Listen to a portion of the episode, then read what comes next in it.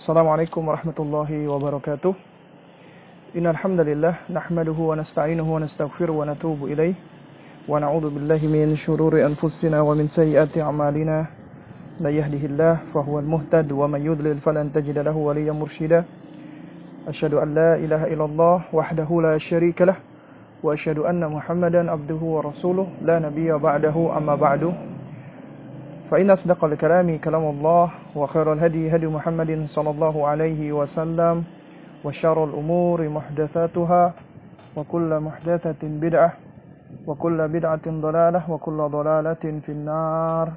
أما بعد uh, إخوة الكرام para aba dan para ummahat ikhwan dan akhwat rahimani wa rahimakumullah Alhamdulillah di sore hari ini yaitu tanggal 16 Juni yang bertepatan dengan tanggal 24 Syawal 1441 Hijriah kita diperkenankan Allah Subhanahu wa taala untuk dapat bersua kembali melanjutkan kajian kita yaitu kajian masih membahas risalah atau kutayib Al-Arba'un Al-Jiyad fi Tarbiyatil Aulad karya dari Syekh Abdul Aziz Al-Huwaitan hafizahullah taala.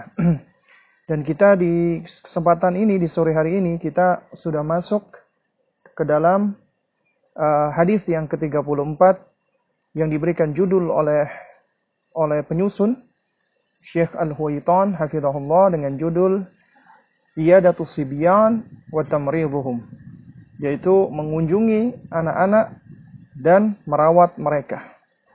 Ya. Ini adalah hadis yang diriwayatkan ya dari Usama bin Zaid. Ya. Syekh Abdul Aziz Al-Huwaitan beliau membawakan riwayat an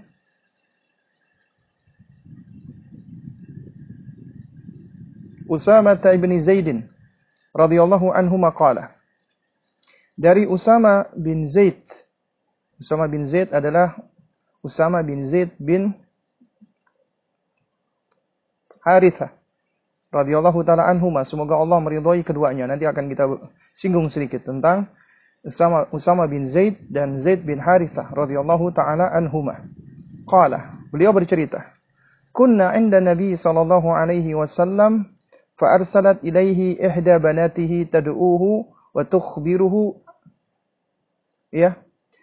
Uh, kami pernah bersama dengan Rasulullah SAW. Pernah suatu ketika kami sedang berada di sisi Nabi Shallallahu Alaihi Wasallam.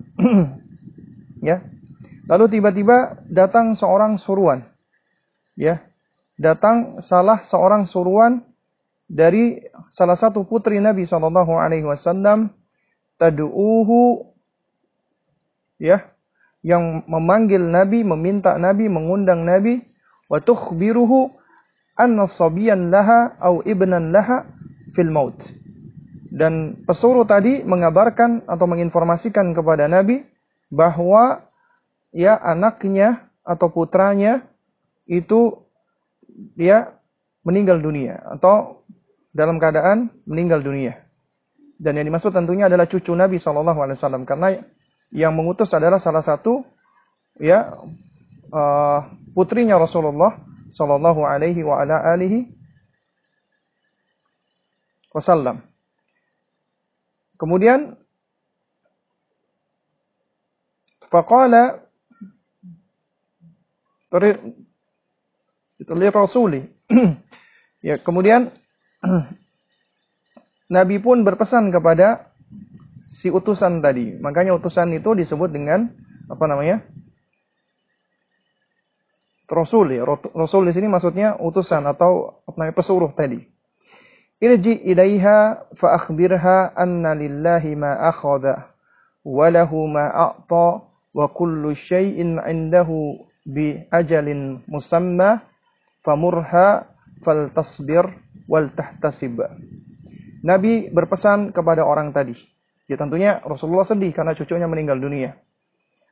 Nabi sampaikan fa akhbirha ya tolong sampaikan kepada putriku yang dimaksud adalah Zainab. Ya. Anna lillahi ma akhadah.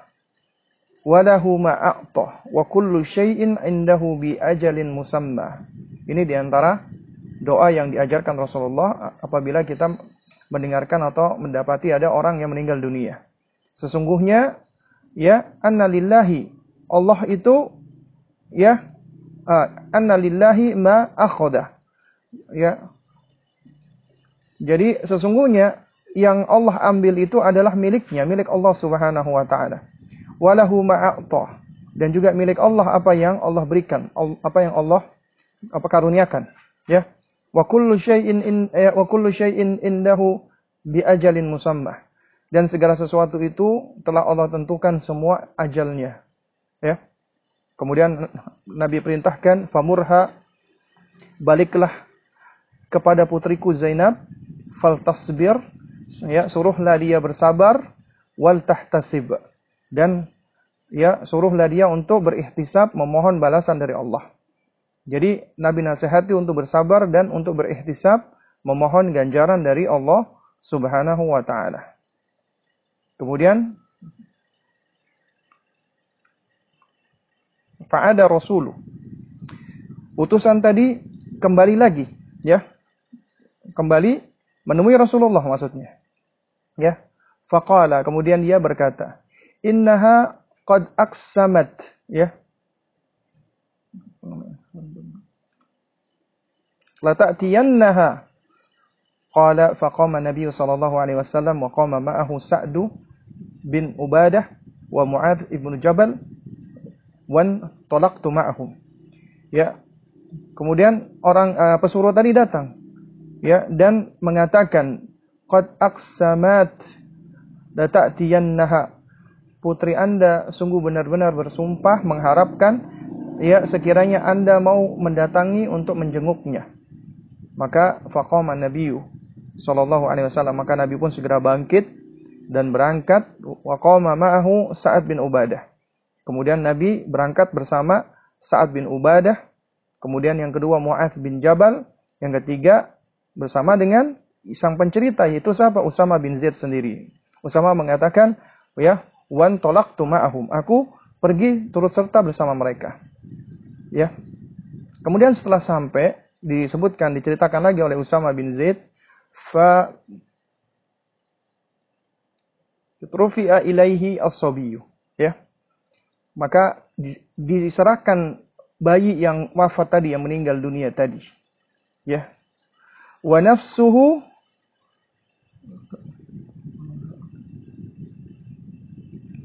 kau ka'annaha fi syannatin.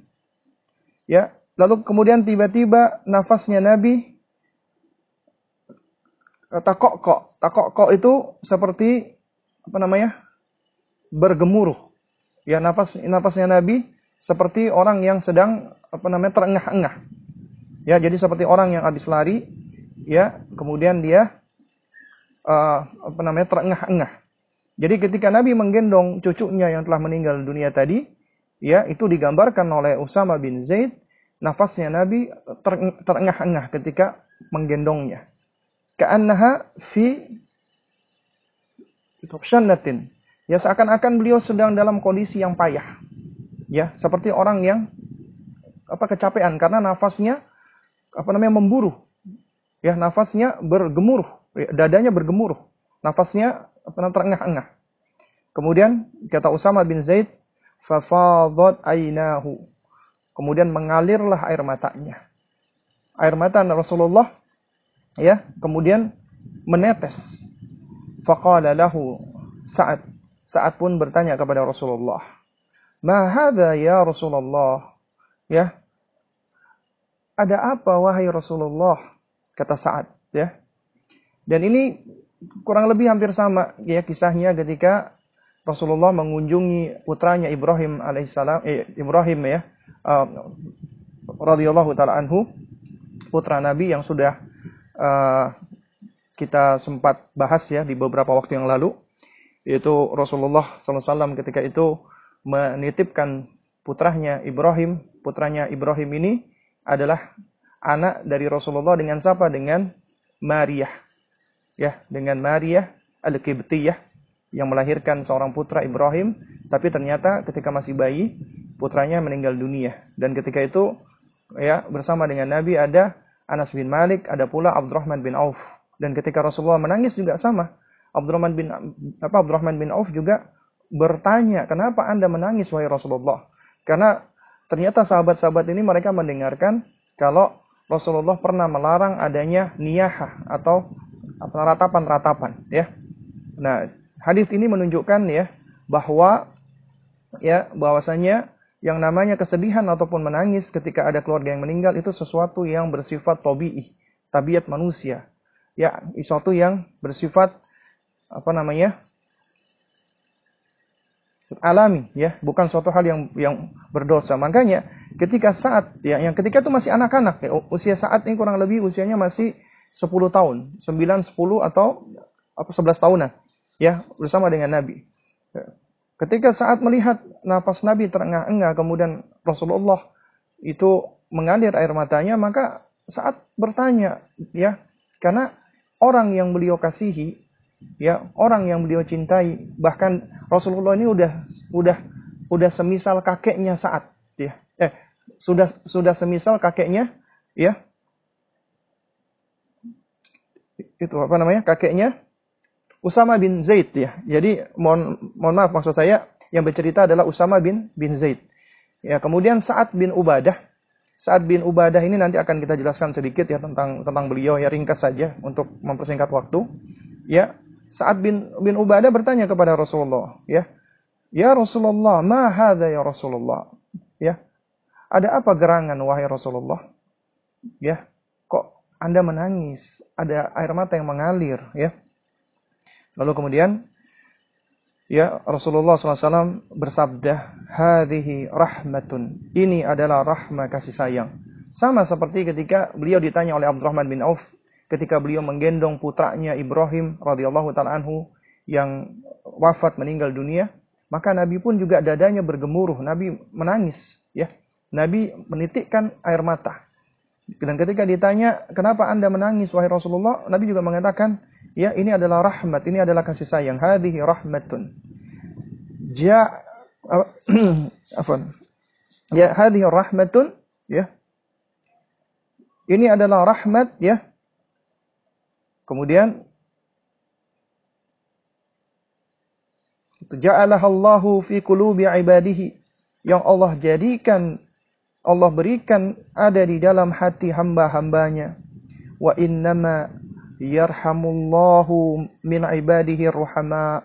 Sesungguhnya ya Allah Subhanahu wa taala itu menyayangi atau mencintai hamba-hambanya yang juga memiliki kasih sayang.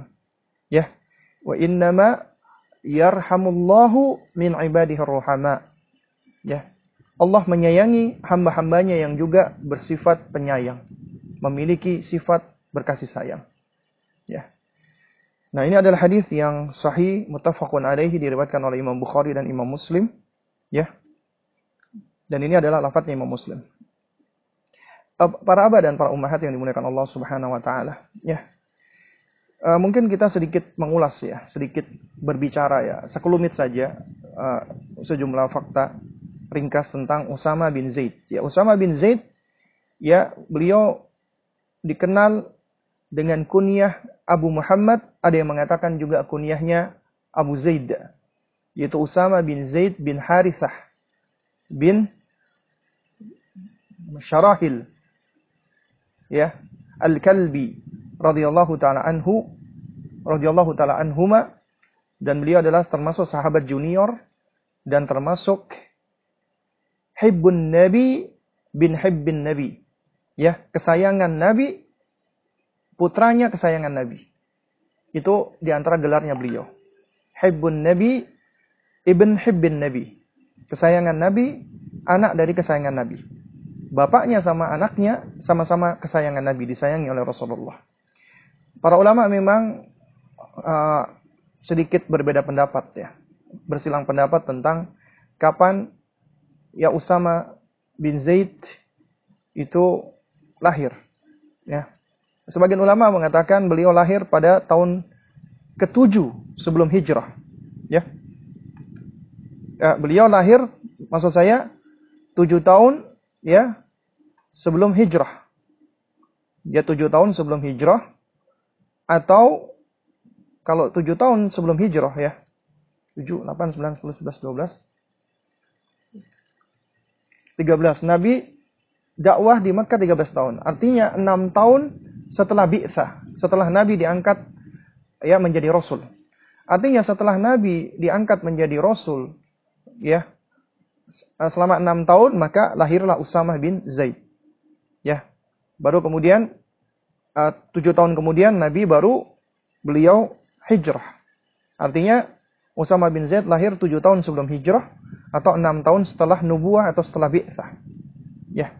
Nah makanya dikatakan beliau adalah ya seorang anak ya yang lahir di tengah-tengah Islam, kaum muslimin dan beliau belum pernah mendapati yang namanya ya kejahiliaan. Artinya beliau tidak pernah ya sebelum masuk Islam berkeyakinan dengan keyakinan jahiliyah atau apa namanya uh, apa namanya wasaniyah ya atau istilahnya eh, paganisme ya ayah beliau Usama bin Zaid ya ini juga sempat kita singgung kemarin ya radhiyallahu taala anhu itu adalah seorang sahabat yang mulia.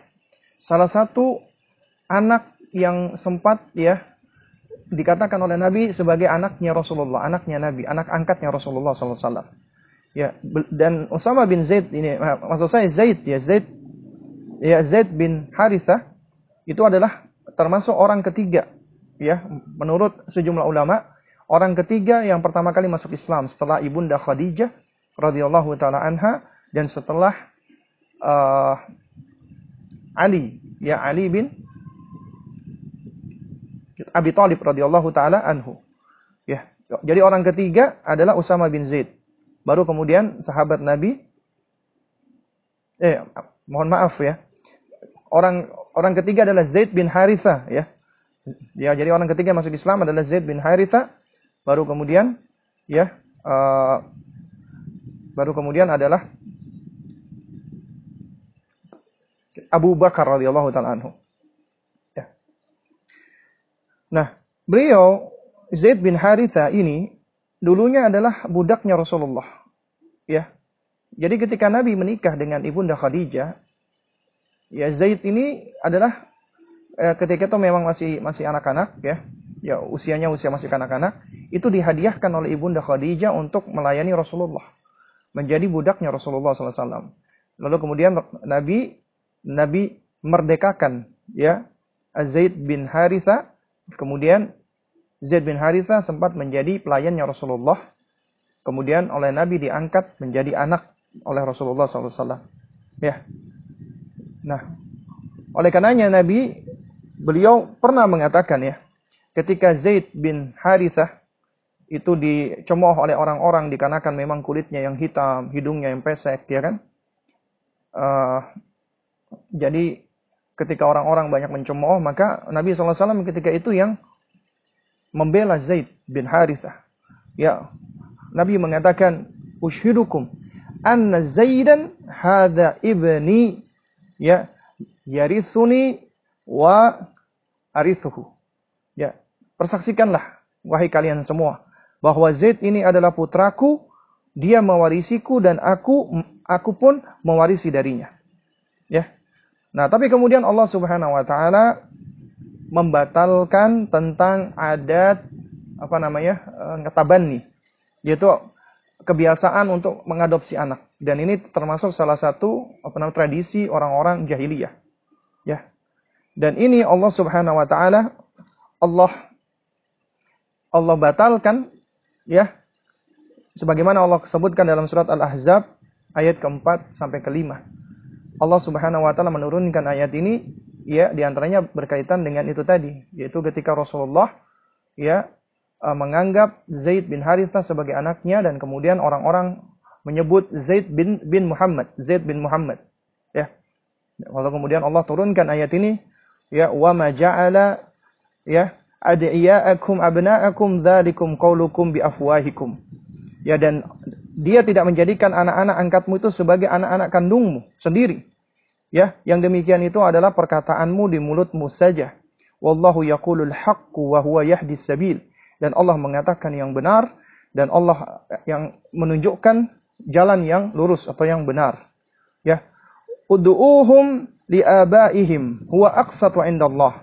Panggillah mereka anak-anak ya angkatmu tadi anak-anak adopsimu tadi dengan menggunakan nama bapak-bapak mereka tidak disandarkan kepada bapak angkatnya dan itu hukumnya nggak boleh haram hukumnya anda mengangkat anak kemudian anda sandarkan dia binnya kepada bapaknya yang bukan bapak kandungnya, maka itu tidak diperbolehkan. Ya. Bahkan mereka pun juga tidak menjadi mahram. Boleh dinikahi. Dan haram hukumnya ketika dia sudah dewasa bersentuhan dengan apabila berbeda jenis atau ber apa namanya lainan jenis. Hukumnya adalah haram. Ya kecuali apabila dia disusui, ya. Nah, makanya Allah Subhanahu wa taala kemudian mengatakan Udu'uhum li'abaihim huwa aqsatu indallah. Ya panggilah mereka. Mereka, anak-anak tersebut dengan ya menggunakan nama bapak-bapak mereka dan ini yang lebih yang lebih adil, yang yang lebih yang lebih adil di sisi Allah Subhanahu wa taala. Ya, fa in lam ta'lamu aba'ahum fa ikhwanuhum fid din. Ya, dan jika kamu enggak mengetahui siapa bapak-bapak mereka, maka panggillah mereka adalah sebagai ikhwanukum fid saudara-saudaramu di dalam agama wa mawalikum wa laisa alaikum junahun. Ya. Atau uh, dan maula-maulamu yaitu hamba-hamba sahayamu wa laisa alaikum junahun fi ma akhta'tum bihi dan tidak ada dosa bagimu ya atas apa yang kamu keliru tadinya, yang kamu salah ya. Walakin ma ta'ammadat qulubukum wa kana Allahu ghafurur rahim. Ya akan tetapi yang dosa adalah apa yang hatimu menyengajaknya. Hatimu memang sengaja melakukannya. Dan Allah adalah maha pengampun lagi maha penyayang. Ya. Dikarenakan nggak tahu, ya Rasulullah nggak tahu, akhirnya Allah maafkan, Allah ampuni. Dan ini ayat ini sebagai penjelas tentang tidak diperbolehkannya ya mengadopsi anak kemudian menyandarkan anak dinasabkan kepada bapak angkatnya. Itu hukumnya tidak diperbolehkan dan ini dibatalkan. Ya, dulunya Zaid itu disebut sebagai Zaid bin Muhammad. Kemudian setelah itu itu dibatalkan dan kemudian disebut dengan uh, menisbatkan kepada bapaknya Zaid bin Harithah. Ya. Zaid bin Harithah. Ya. Dan Zaid bin Harithah ini adalah uh, salah satu kesayangan Rasulullah, orang yang dekat dengan Rasulullah. Dulu ya memang memiliki apa kedekatan ya, kedekatan apa namanya? kedekatan uh, emosional dan seterusnya ya. Dan Usama bin Zaid ini adalah orang yang memang memiliki apa kecakapan di dalam berperang, di dalam taktik, di dalam berpedang dan seterusnya, termasuk di dalam memanah. Nah, dan beliau wafat ketika perang Mu'tah melawan Bizantium, ya, melawan orang-orang Rum ya, orang-orang Romawi ya, sebagaimana sudah kita sebutkan kemarin, Usama bin Zaid ini beliau syahid ya dan dan syahid ketika itu dengan tiga orang uh, beserta dua orang sahabat Nabi yang mulia lainnya yaitu ya ya Zaid bin Haritha ya lalu kemudian uh, Ja'far bin Abi Thalib dan Abdullah bin Rawaha ya radhiyallahu taala anhum. Ya. Dan di perang kemudian ya di apa di perang berikutnya melawan Bizantium ketika itu orang-orang apa namanya Romawi menguasai Syam ya, menguasai Suriah, maka yang melanjutkan apa namanya peperangan adalah anaknya Zaid bin Haritha dan ketika itu beliau menjadi panglimanya dan beliau membawai sahabat-sahabat senior seperti Abu Bakar, Umar, Ali dan seterusnya. Usama bin Zaid usianya ketika itu masih 18 tahun. Ya.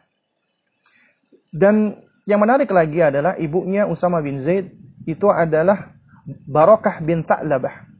Ya. Seorang asalnya dari Ethiopia. Uh, Barokah bin uh, Barokah bintu Ta'labah ini ya sebelumnya adalah budaknya ya dari Bani Abdul Muthalib. Dia budak ibunya. Ibunya Rasulullah, ya maksud saya. Ya, ketika Rasulullah wafat, eh, ketika mohon maaf, ketika ibunya Rasulullah wafat, ya, ketika apa namanya uh, Aminah ya, pada saat Aminah ibunya Rasulullah itu meninggal dunia, maka yang membantu mengasuh Rasulullah adalah Barokah bintu Tha'laba yang dikenal dengan sebutan Ummu Aiman. Ya. Nah, lalu kemudian apa? Lalu kemudian setelah ibundanya wafat, maka ya Barokah bintu Tha'laba atau Ummu Aiman ini selalu mengikuti Nabi, selalu mengasuh Nabi hingga akhirnya Rasulullah dewasa dan Rasulullah menikah dengan ya ibunda Khadijah radhiyallahu taala anha. Lalu setelah itu Nabi pun bermaksud memerdekakan Barokah bintu Tha'labah. Lalu kemudian ya setelah Ummu Aiman turut masuk Islam, maka ketika itu ada seorang dari Yathrib ya Madinah saat ini dari suku apa namanya uh, Khazraj ya datang bernama Ubaid bin Zaid. Maka Nabi pun ya uh, menikahkan ya Barokah bintu Tha'labah dengan ya Ubaid bin bin Zaid. Dari dari Ubaid bin Zaid ini dengan Barakah bintu Ta'labah lahirlah seorang anak yang bernama ya, Aiman bin Ubaid, seorang pemberani. Ya seorang apa namanya pemuda yang sangat-sangat apa namanya pemberani. Ya yang bernama Aiman bin Ubaid. Aiman bin Ubaid ini termasuk kakak tirinya Usama bin Zaid, ya. Jadi sama-sama seibu tapi beda bapak, ya. Dan Aiman ini ya beliau mati syahid ketika perang Hunain. Di mana ketika perang Hunain itu ada sejumlah sahabat mereka ya ketika dalam kondisi yang apa namanya terdesak ya dan dan Rasulullah ketika itu juga dalam keadaan apa ter, terdesak ada apa namanya ada eh, sejumlah sahabat di antaranya Abu Bakar, Umar, Ali ya dan di antaranya adalah uh, Aiman bin Ubaid itu yang mengelilingi Rasulullah supaya Rasulullah tidak terbunuh ketika itu. Akhirnya Aiman bin Ubaid ini yang mati syahid ketika itu. Nah, jadi dari sini kita bisa tahu bahwasanya ternyata Usama bin Zaid ini ya memang memiliki apa namanya eh, kedekatan ya sangat dekat sekali ya jadi memang memiliki apa kedekatan dengan dengan siapa dengan Rasulullah SAW. Jadi seakan-akan seperti cucunya Rasulullah SAW. Karena bapaknya Zaid bin Haritha itu juga seperti anaknya Rasulullah SAW. Ya. Jadi sudah seperti bagian dari keluarga Nabi SAW. Dan Usama bin Zaid ini juga memiliki banyak keutamaan ya. Di antaranya ya di dalam sebuah hadis yang sahih atau yang hasan ya, ya juga di, diriwayatkan oleh Usama bin Zaid, beliau menceritakan bahwasanya ya karena Nabi sallallahu alaihi wasallam ya'khuduni ya Ya, Nabi pernah suatu ketika itu mengangkat aku, ya. Kemudian apa namanya? Fayuq iduni. Ya, ala apa namanya? Ngefakhidhi. Kemudian Nabi dudukkan aku di atas pahanya. Ya. Wayuk wayuk idul hasan. Ya, ala apa namanya? Ngefakidhihi al-yusra. Kemudian dia menggendong atau mengangkat Al-Hasan di di mana di uh, pahanya yang satunya. Ya. Dan memang Al Hasan ketika itu ya tentunya masih kecil sekali ya. Sedangkan Usama mungkin usianya karena beliau adalah tujuh tahun sebelum hijrah, ya jadi usianya adalah sekitar 8 tahun atau 9 tahun sedangkan Al Hasan mungkin masih bayi, masih masih masih kecil ya. Jadi kedua-duanya digendong ditaruh di atas pahanya Rasulullah Shallallahu alaihi wasallam. Ya, Kemudian kata Usama bin Zaid, "Tsumma itu apa namanya? Eh, nyadhummuna." Kemudian memeluk kami berdua, ya. Tsumma yaqulu. Kemudian Nabi mengatakan, "Allahumma inni ya arhamuhuma ya farhamhuma." Ya Allah, sesungguhnya aku begitu mencintai keduanya, yaitu mencintai Usama bin Zaid dan mencintai Al Hasan, maka sayangilah ya, keduanya. Atau di dalam riwayat yang lain dikatakan Allahumma inni uhibbuhuma ya. Ya Allah, aku mencintai keduanya, maka cintailah keduanya. Ya. Dan juga di antara yang menarik ya. Usama bin Zaid ini beliau adalah putra dari ya Ummu Aiman dan putra dari Zaid bin Harithah. Dan sebagaimana kita tahu ya, kalau Ummu Aiman itu berasal dari Afrika, ya maksud saya dari Ethiopia, ya. Maka juga demikian, Usama bin Zaid itu itu disebutkan ciri-cirinya adalah memang beliau berkulit hitam. Hidungnya pesek, ya. Dan mungkin kalau orang-orang zaman sekarang ya ketika ada orang seperti ini mungkin tidak begitu di apa namanya perhatikan. Tapi Rasulullah SAW agama kita nggak pernah melihat seseorang itu dari penampilannya, dari warna kulitnya, dari dari bentuk rambutnya, dari bentuk hidungnya, enggak. Ya, agama kita adalah agama yang indah, agama yang tidak mengenal yang namanya apa keturunan ini ras ya atau yang semisalnya. Karena agama kita Allah itu hanya melihat ya siapa yang paling bertakwa. Allah hanya melihat hati dan amalan. Innallaha la yanzuru ila ya ila apa namanya? ajsamikum ya. Allah tidak melihat kepada jasmani-jasmani kalian, fisik-fisik kalian. Ya. Wala ala apa namanya? suwarikum juga enggak lihat rupa-rupa kalian. Walakin Allah yanzuru ila qulubikum wa a'malikum. Akan tetapi Allah melihat amalan dan hati-hati kalian. Ya. Ya. Makanya juga Allah mengatakan inna akramakum ya indallahi atqakum. Sesungguhnya orang yang paling mulia di antara kalian adalah yang paling bertakwa. Ya. Yang paling bertakwa kepada Allah. Para abah dan para ummahat ya, ketika perang Uhud meletus, ya, Usama ketika itu usianya kurang lebih tujuh tahunan, ya. Dan beliau bersikeras ingin ikut perang Uhud, tapi di apa namanya larang oleh Rasulullah SAW. Ya, Nabi apa namanya melarang beliau untuk ikut ikut perang karena usianya masih kanak-kanak. Ya. Dan ketika tidak ketika sedang tidak berperang itu disebutkan dalam beberapa riwayat ya. Usama ini senang dengan pedangnya Rasulullah. Sehingga Rasulullah itu beberapa kali meminjamkan pedangnya beliau. Ya. Dan juga disebutkan di dalam riwayat Nabi Nabi itu beberapa kali meminjamkan pedangnya kepada dua orang, Usama bin Zaid dan kepada Ali, Ali bin Abi Thalib. Dan ketika itu Ali, kalau Ali bin Abi Thalib, beliau lahirnya itu 23 tahun sebelum hijrah. Artinya ketika hijrah, Ali sudah berusia 23 tahun. Artinya, beliau lahir 10 tahun ya sebelum Nabi diangkat menjadi Rasul. Ya. Jadi sebelum Nabi diangkat menjadi Rasul, yaitu usia 40 tahun, ya, maka 10 tahun sebelumnya yakni tepatnya Nabi ketika usia 30 tahun Ali radhiyallahu taala anhu lahir. Dan ketika lahir pamannya ya Abu Talib dalam keadaan kesulitan. Sehingga dititipkan Ali itu di rumahnya Rasulullah dan di rumahnya ibunda uh, Khadijah. Ya. Sehingga Ali Ali sejatinya juga diasuh oleh Rasulullah dan ibunda uh, Khadijah radhiyallahu taala anha. Ya.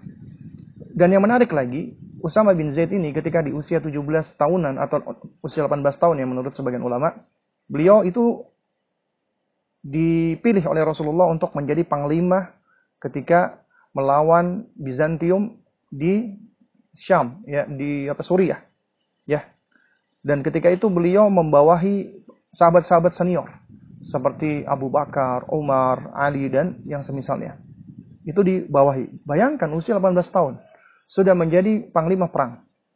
Di antara pelajaran para abad dan para umahat yang bisa kita ambil dari pendidikan yang dilakukan oleh Rasulullah SAW adalah anak-anak ketika sudah usia ya usia balik ya kalau kita katakan sekarang usia apa namanya remaja ya ya meskipun sebenarnya definisinya nggak jelas ya definisi apa remaja ini adalah suatu definisi definisi yang tidak jelas sebenarnya.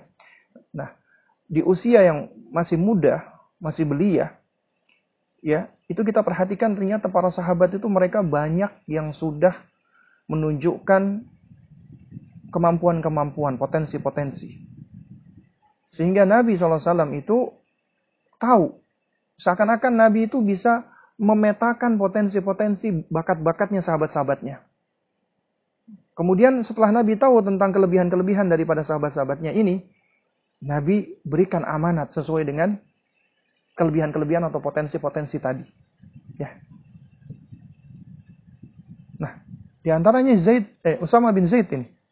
Nabi SAW ya tahu beliau punya ya Usama bin Zaid ini punya apa namanya eh, nggak kecakapan di dalam masalah taktik perang dan seterusnya itu benar-benar cerdas jenius ya memiliki apa kejeniusan di dalam apa namanya perang di dalam masalah taktik di dalam apa strategi itu Usama bin Zaid termasuk orang yang jenius Coba kita perhatikan, yang namanya perang itu tidak hanya membutuhkan apa keberanian, tidak.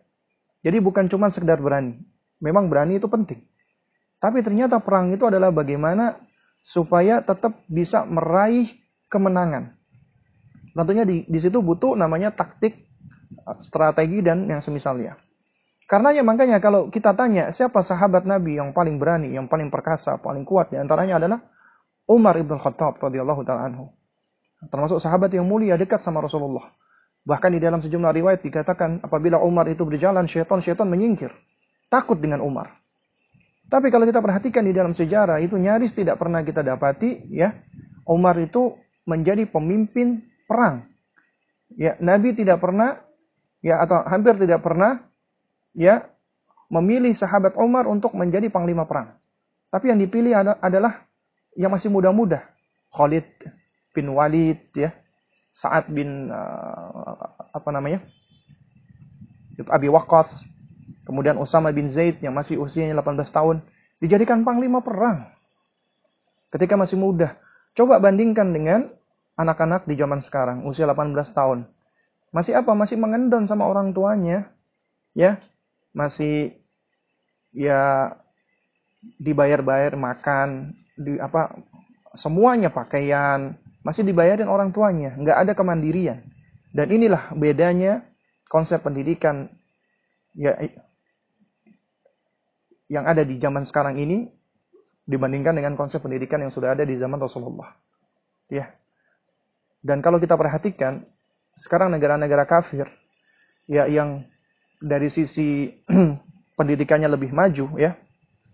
Mereka sudah sadar sehingga mereka ketika anak itu sudah mulai tampak minatnya, bakatnya, di antaranya di usia 10 tahun, maka sudah diarahkan sesuai dengan minat dan bakatnya.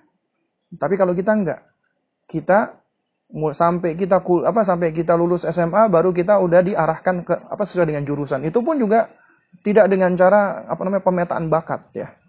Dan ini menunjukkan apa? Menunjukkan ya bahwasanya ya memang konsep pendidikan kita ya apalagi di tanah air ini ya mohon maaf itu benar-benar sangat jauh sekali.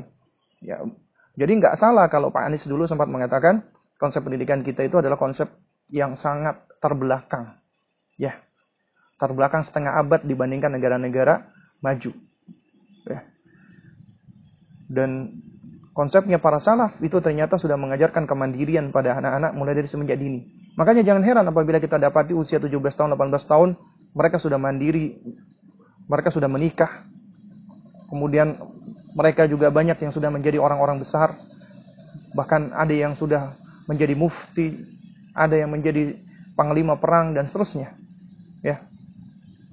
Ini menunjukkan apa? Menunjukkan memang ya di antara kehebatan Rasulullah adalah beliau bisa melihat ya ya seakan-akan itu ada mapping, ada peta bakat pada sahabat-sahabatnya yang sudah bisa dilihat oleh Rasulullah SAW. Ya. Kemudian Usama bin Zaid ini beliau wafat pada tahun ada yang mengatakan pada tahun 54 Hijriah, ada yang mengatakan tahun 57, ada yang mengatakan 58 Hijriah. Ya, jadi usianya beliau adalah kurang lebih 6, 6 60 tahun lebih, ada yang mengatakan 70 tahun apa sekian, ya. Ya, jadi ini sekilas tentang Usama bin Zaid radhiyallahu taala anhu. Baik, kita sekarang masuk ke faidah-faidah hadis ya. Faidah hadis yang pertama adalah ya masyru'iyatu ya itu istihabi as-sigar li apa namanya uh, ngaziyaratil marid ma lam yakun mani min dalika.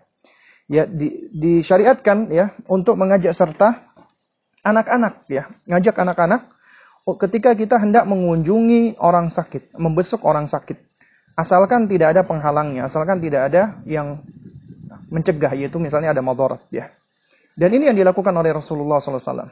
Nabi ketika ya beliau membesuk ya uh, cucunya beliau yang yang kondisinya dalam kondisi sakit keras kemudian akhirnya meninggal dunia ya maka beliau ajak Sa'ad bin Ubadah kemudian Mu'adz bin Jabal dan Usama bin bin Zaid. Ya. Oh iya uh, kita belum sempat menyinggung sedikit ya. Baik ini kita apa apa singgung sedikit ya. Sa'ad bin Ubadah. Ya Sa'ad bin Ubadah bin Dulaim ya. Beliau dari kabilah apa namanya uh, Khazraj ya beliau. Dari uh, dari kabilah namanya kabilah ini tuh apa Saidah ya. Salah satu kabilah yang ternama di apa Khazraj ya lalu kemudian ya uh, bapaknya Sa'ad bin Ubadah yaitu yang bernama Ubadah bin Dulaim itu adalah salah adalah salah satu pimpinan pimpinan dari kabilah apa Saidah Kemudian akhirnya digantikan oleh anaknya Sa'ad bin Ubadah. Dan kelak Sa'ad bin Ubadah ini yang akan menjadi pimpinannya kaum Ansor. Ya, yang yang akan menjadi pimpinannya semua kaum Ansor. Ya. Dan kalau kita perhatikan Sa'ad bin Ubadah ini ya itu apabila kita baca tentang riwayat-riwayatnya itu mungkin bisa menggambarkan sosok kesempurnaan orang Arab ya yaitu apa yang apa namanya rupawan orang yang ganteng ya. Kemudian juga jenggotnya lebat, rapi ya. Kemudian fisiknya itu bagus ya, badannya itu bagus ya. Beliau uh, semacam apa namanya? Orangnya ya fit lah istilahnya ya. Kemudian juga ahli berenang, ahli memanah, kemudian juga pandai menulis ya. Ya. Kemudian juga apa namanya? apa namanya pemberani. Ya intinya semua kelebihan-kelebihan ya itu apa namanya uh, terkumpul pada sosok Sa'ad bin Ubadah ini. Ya. Makanya akhirnya beliau ia dianggap sebagai orang yang sangat ber apa namanya berwibawa ya. Ketika ada orang melihat Sa'ad bin Ubadah seakan-akan orang melihat Sa'ad bin Ubadah ini seperti seorang apa namanya pemimpin. Ya. Jadi seakan-akan seperti seorang seorang imam ya. Karena memang punya apa kewibawaan beliau itu. Dan ketika beliau masuk Islam dan beliau turut dalam baiat apa namanya uh, itu apa, akobah ya baiat akobah yang kedua dan ketika itu beliau masih masih masih anak-anak ya yang masih usia belasan tahun ya. Lalu ketika beliau masuk Islam ya beliau itu yang menghancurkan semua patung-patung berhala yang ada di apa kabilahnya ya. Yang ada di apa kabilahnya nah sementara Muaz bin Jabal radhiyallahu taala anhu itu beliau juga sahabat muda yang tampan yang apa rupawan nah bahkan kalau Muaz ini punya kelebihan orangnya cerdas orang yang perfakih yang alim kalau dikatakan mungkin kita nganggapnya sebagai kalangan apa namanya eh, nggak cendekiawan lah karena beliau adalah fakih dan koriknya Quran. Ya. Beliau orangnya fasih, memiliki al-fasahah ketika bicara. Makanya Nabi mengutus Mu'adz bin Jabal untuk dakwah ke Yaman. Ya, untuk dakwah ke Yaman karena beliau memiliki kelebihan di dalam apa nama retorika, di dalam menyampaikan pinter orangnya Mu'adz bin Jabal. Ya. Dan Mu'adz bin Jabal ini termasuk orang yang masuk Islam usia muda, usianya 18 tahun ketika beliau masuk Islam. Ya.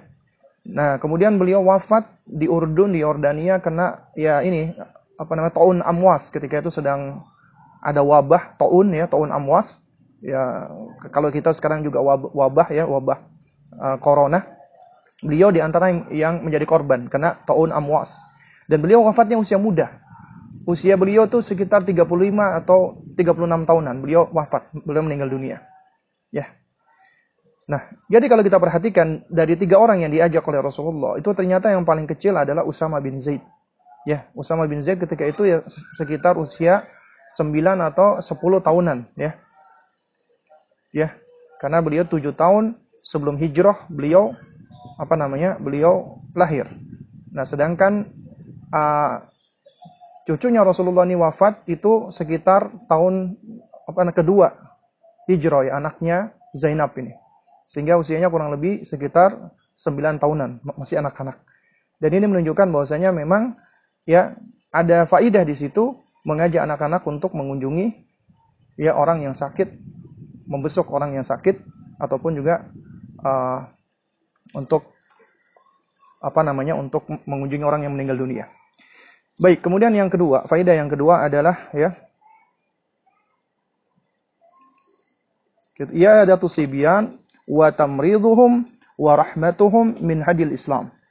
Mengunjungi anak ya, merawat dan menyayanginya itu merupakan tuntunan Islam. Ya kita tahu kita sama-sama tahu ya bahwasanya anak itu adalah amanat Allah Subhanahu wa taala yang wajib kita pelihara dan kita jaga dengan sepenuh hati kita. Dan anak kita apabila sakit, maka tentunya wajib kita untuk menjaganya, merawatnya ya. Jika anak kita tidak bersama kita, misalnya dia sedang sedang diasuh ya oleh oleh apa namanya oleh oleh ibu asuhnya atau dia berada di uh, sekolahan lagi boarding misalnya sakit maka hendaknya kita mengunjunginya. Ya. Dan ini adalah di antara tuntunan. Ketika anak kita sakit maka kita kunjungi. Kita kita besuk ya. Karena ini salah satu bentuk ya kasih sayang kita gitu loh. Merupakan tanda kasih kasih sayang kita orang tua kepada anak-anak kita. Dan ini merupakan tuntunan dari agama kita. Ya. Dan bicara tentang mengajak anak-anak juga tadi ya, yang poin pertama ya. Uh, mengajak anak-anak untuk mengunjungi orang sakit itu akan memberikan manfaat yang sangat besar sekali. Akan memberikan faidah yang besar ya, untuk anak-anak kita. Kalau kita mengajak anak kita mem, apa membesuk misalnya ada teman kita atau ada keluarga yang sakit ya. Jadi ada sejumlah manfaat di situ. Misalnya, di antaranya, ya, yang pertama, ya, anak akan lebih belajar tentang arti kesehatan sehingga dia akan lebih bersyukur kepada Allah. Ketika dia datang orang tuanya ngasih tahu, lihat itu si fulan, paman, Allah sedang ujikan musibah, sakit. Kalau sakit tuh makan nggak enak, ini semua nggak enak harus berbaring dan seterusnya. Dan kamu sekarang dalam kondisi bisa ke mana-mana, kamu bisa makan enak. Jadi nikmatnya Allah Subhanahu Wa Taala sangat besar sekali. Jadi anak akan lebih belajar arti syukur, syukur atas kesehatan dan berbagai macam kenikmatan yang Allah karuniakan tadi. Lalu kemudian yang kedua juga anak akan belajar yang namanya nilai-nilai empati, uh, apa namanya sensitivitas sosial, ithar ya kita lebih lebih mendahulukan orang lain ya. Kemudian kita care dengan orang lain. Kemudian juga ya intinya kita menumbuhkan perasaan empati turut merasakan apa yang dirasakan oleh oleh orang lain. Ini sangat baik sekali. Ya. Jadi kalau Anda ingin melunakkan hati, ingin melunakkan hati anak ya, dan juga supaya anak itu belajar apa nilai daripada empati, maka ajak dia untuk mengunjungi orang sakit. Ajak dia untuk turut mengunjungi orang yang meninggal dunia, ya. Dan juga di antara manfaat yang berikutnya yang apa ketiga ya. Yang ketiga adalah anak akan belajar arti nilai dari suatu kesabaran. Ya. Sabar dari musibah, sabar dari bencana, sabar dari sakit, ya, dan apa sabar dari kehilangan. Ya. Jadi anak belajar. Makanya kita nggak bisa lepas dari mengajarkan anak dua hal, syukur dan sabar. Syukur dan sabar. Syukur ketika Allah memberikan berbagai macam karunia dan kita tetap bersabar apabila ada sesuatu yang diambil oleh Allah Subhanahu wa taala. Karena sejatinya kita nggak punya apa-apa, itu punya Allah Subhanahu wa taala. Makanya kemudian yang keempat, anak akan belajar namanya ya nilai dari sebuah tawakal kepada Allah Subhanahu wa taala butuh betapa butuhnya kita kepada Allah, betapa lemahnya kita, betapa dhaifnya kita, betapa kita itu nggak bisa ngapa-ngapain. Semua itu ada di tangan Allah. Kita butuh pertolongan Allah. Sehingga kita harus iltija bertawakal kepada Allah. Ya. Dan betapa besarnya Allah. Lalu kemudian juga yang berikutnya anak akan belajar untuk uh, mengambil hikmah. Ya. Ya, ya ini di antaranya dengan adanya sakit itu Allah akan ampuni dosanya, Allah angkat derajatnya. Jadi ya ini termasuk sarana pembelajaran agar mereka bisa mengambil hikmah dan mempelajari adanya manfaat-manfaat atau hikmah dari suatu suatu hal di antaranya musibah. Kemudian yang keenam, anak juga akan belajar tentang nilai suatu hubungan, apakah kerabatan ataupun persaudara ataupun per apa saudaraan, ya. Jadi memahami pentingnya persaudaraan, hubungan kekerabatan atau kita katakan silaturahim dan pentingnya persaudaraan di antara kaum muslimin atau al-ukhuwah. Artinya ketika kita itu mengunjungi orang, ini menunjukkan kita care sama mereka, kita sayang, kita mencintai mereka karena Allah Subhanahu wa taala. Dan kemudian yang nggak kalah penting lagi ya, ini sebenarnya masih banyak ya. Nah ini yang apa namanya ketujuh ya, list, uh, less, apa namanya, but not least ya. Yaitu apa? Anak belajar tentang ya bahwasanya hidup ini adalah fana sementara. Dan anak belajar tentang ya bahwasanya mereka itu hidup punya tujuan yang paling besar yaitu beribadah kepada Allah dan kita akan kembali kepada Allah. Dan hidup kita di dunia ini cuma sementara ya. Dan kita nanti akan ya akan mendapati kehidupan yang sebenarnya ketika kita sudah meninggal dunia. Nah, tapi yang perlu diperhatikan ya sebagaimana di faedah yang pertama tadi dikatakan oleh penulis, ya, malam yakun mani min dzalika. Selama tidak ada penghalang ketika kita mengajak anak-anak kita mengunjungi orang sakit. Kenapa? Karena ketika kita mengajak anak-anak kita, yang pertama perhatikan usia anak kita. Ya, usia usia mereka itu sudah idrok belum, sudah bisa apa namanya memahami belum, ya. Jadi jangan sampai ketika kita membawa anak kita malah kita nggak bisa mengajarkan adab, tapi malah mereka bikin bikin ribut, bikin heboh, bikin sulit, ya, atau malah menyusahkan orang yang sakit ataupun keluarganya dia malah ribut-ribut, teriak-teriak dan yang semisalnya. Perhatikan usianya, ya. Kemudian juga perhatikan tentang kondisi pasien, waktu-waktu membesuk, ya kondisinya bagaimana, penyakitnya berbahaya tidak, menular tidak, dan kemudian yang yang nggak kalah pentingnya adalah harus mengajarkan adab-adab anak ketika mengunjungi orang sakit. Nanti ini akan kita bahas di faedah yang berikutnya. Ya, baik. Kemudian faedah yang ketiga adalah ihtimamu syari ya bi iyadatil marid walau kana sobiyan ya. Ya kita masih faedah yang apa ketiga ya. Yaitu ya betapa perhatiannya asyari yaitu yang membuat syariat Allah Subhanahu wa taala yang berkaitan dengan haknya ya kita apa sesama manusia dengan cara mengunjungi mereka yang sakit. Meskipun masih anak-anak. Itu ternyata sudah diperhatikan di dalam syariat agama kita. Ini menunjukkan betapa sempurnanya agama kita. Kemudian yang keempat adalah ya tawadhu al-murabbi bi ziaratil marid as-saghir yang menunjukkan sikap tawadhu sikap rendah hati seorang pendidik hendaknya ini yang harus sudah kita apa namanya kita tumbuhkan yaitu tawadhu di dalam diri kita sebagai orang tua. Ya, di antaranya dengan mengunjungi anak didiknya yang lagi sakit. Misalnya ada anak murid kita yang lagi sakit, kita guru. Ya kita datang, kita kunjungi dia meskipun dia masih anak-anak ya, meskipun dia adalah murid kita. Karena inilah yang dicontohkan oleh Rasulullah SAW. Ya, ketika ada anak seorang Yahudi ya, yang mana anak Yahudi ini biasa membantu Rasulullah. Ya semacam menjadi pelayannya Rasulullah. Kemudian dia sakit dan sudah beberapa hari tidak mengunjungi Rasulullah. Nabi cari informasi, oh ternyata dia sakit. Kemudian dikunjungi oleh Rasulullah. Nabi membesuknya dan kemudian ketika Nabi mendapati anak ini dalam kondisi ya sakit ya yang yang parah, maka Nabi mengajak dia untuk masuk Islam. Ya untuk mengucapkan la ilaha illallah sehingga anak ini ketika di, diajak Nabi untuk mengucapkan la ilaha illallah anak ini melihat kepada bapaknya kemudian bapaknya meng mengizinkan. Ya akhirnya anak ini masuk Islam. Loh bukannya anak-anak itu fitrah Ustaz?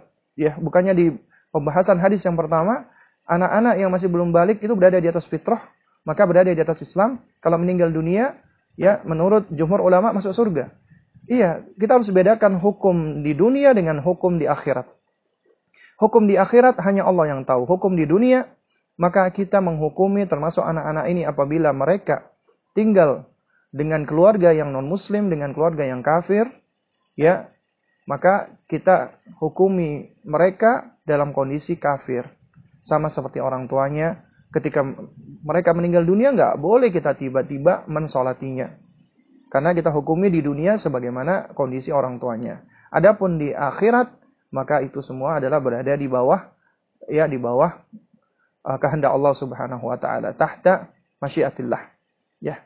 Karena mereka masih belum balik ya. Kemudian faedah yang kelima adalah al-isti'anatu bis sabri wal ihtisab indal musibah. Itu meminta tolong kepada Allah ya dengan bersabar dan ber, berharap pahala atau berihtisab ketika dilanda musibah. Ini yang diucapkan oleh Nabi SAW ketika tadi orang yang disuruh oleh putrinya Zainab, maka Nabi SAW ya setelah mengajarkan doanya, ya setelah Nabi mengucapkan doa, maka Nabi uh, memerintahkan kepada putrinya fal tasbir wal tahtasib.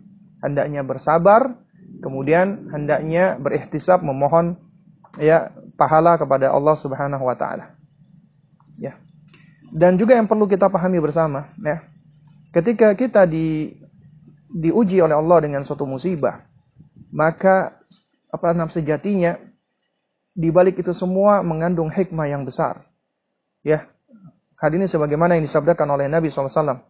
Ya, di dalam hadis yang sahih Nabi bersabda, "Ma yusibul muslimah min nasabin wala wasabin wala hammin wala huznin wala apa namanya uh, ada ya. Ma yusibul muslim. Tidaklah seorang muslim itu ditimpa dengan nasabin ya. Wala wasabin dengan kepayahan kelelahan. Wala wasabin dengan kesakitan. Wala hammin dengan kegundahan kegelisahan kesulitan ya. Wala huznin ya dan juga kesedihan. Wala adzan dan juga dengan gangguan-gangguan ya. Wala apa namanya gommin ya. Dan juga perasaan cemas dan yang semisalnya ya. Hatta syaukah ya. Bahkan duri pun yang apa namanya uh, apa namanya duri pun yang menusuknya ya. Illa kafarallahu biha min khotoyah melainkan Allah akan ampuni dosa-dosanya. Allah akan gugurkan semua dosa-dosanya. Ya. Nah jadi para abah dan para ummahat yang dimuliakan Allah. Ya. Sesungguhnya di balik musibah itu ada hikmahnya yang besar. Di antaranya adalah Allah akan ampunkan dosa-dosa kita juga di antaranya adalah musibah itu sebagai apa sebagai tanbih bagi kita, sebagai peringatan bagi kita. Ya. Dan Allah Subhanahu wa taala ketika menurunkan musibah itu sebagai tanda-tanda. Tanda-tanda supaya kita itu merasa takut kepada Allah. Karena di dalam surat Al-Isra ya Allah Subhanahu wa taala ya mengatakan wa ma nursilu bil ayati illa takhwifa. Dan kami sesungguhnya itu ya memberikan tanda-tanda, menurunkan tanda-tanda di antaranya berupa ujian illa takhwifa. Ya. Itu untuk apa? Untuk nakut-nakuti agar supaya kita muncul perasaan takut kita kepada Allah Subhanahu wa taala. Ya. Agar kita mau mengambil pelajaran, agar kita mau ingat lagi kepada Allah. Kenapa? Karena kita manusia sering kali kita itu lalai.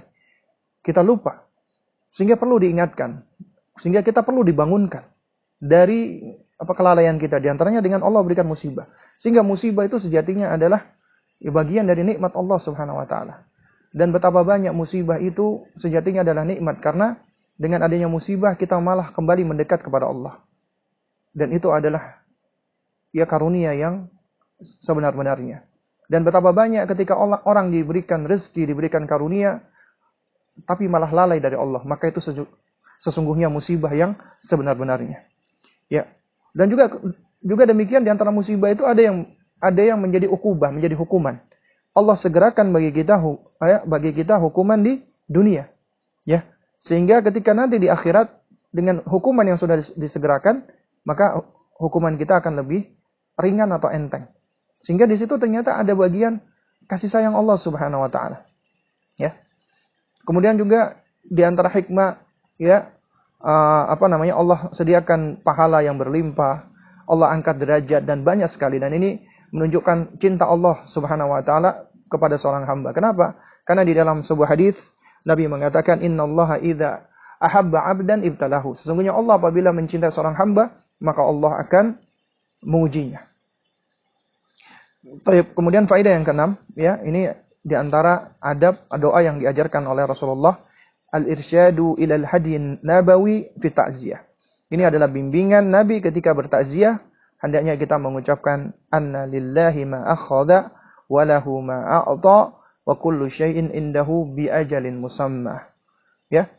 Ya, sesungguhnya yang telah diambil oleh Allah itu miliknya dan apa yang diberikan juga milik Allah dan segala sesuatu sudah Allah tentukan ajalnya. Ya. Jadi ini adalah di antara bimbingan ketika kita bertakziah.